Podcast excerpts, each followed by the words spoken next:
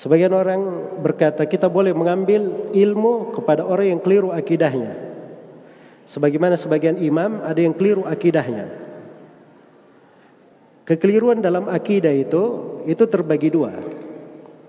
Ada kekeliruan yang mengeluarkannya dari ahli sunnah, menjadikannya sebagai ahlul bidah.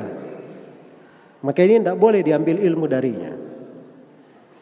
Yang kedua ada kekeliruan, dia salah dalam hal tersebut.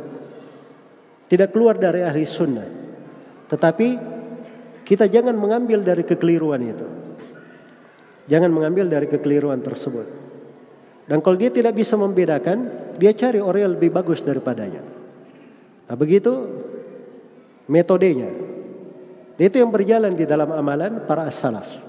Karena itu tidak ada yang menggampangkan ya. Orang yang keliru dalam akidah itu tidak ada di dalam sejarah ulama ada yang menggampangkan. Jadi para ulama yang keliru di dalam pembahasan akidah juga ada dari ulama-ulama yang menegurnya.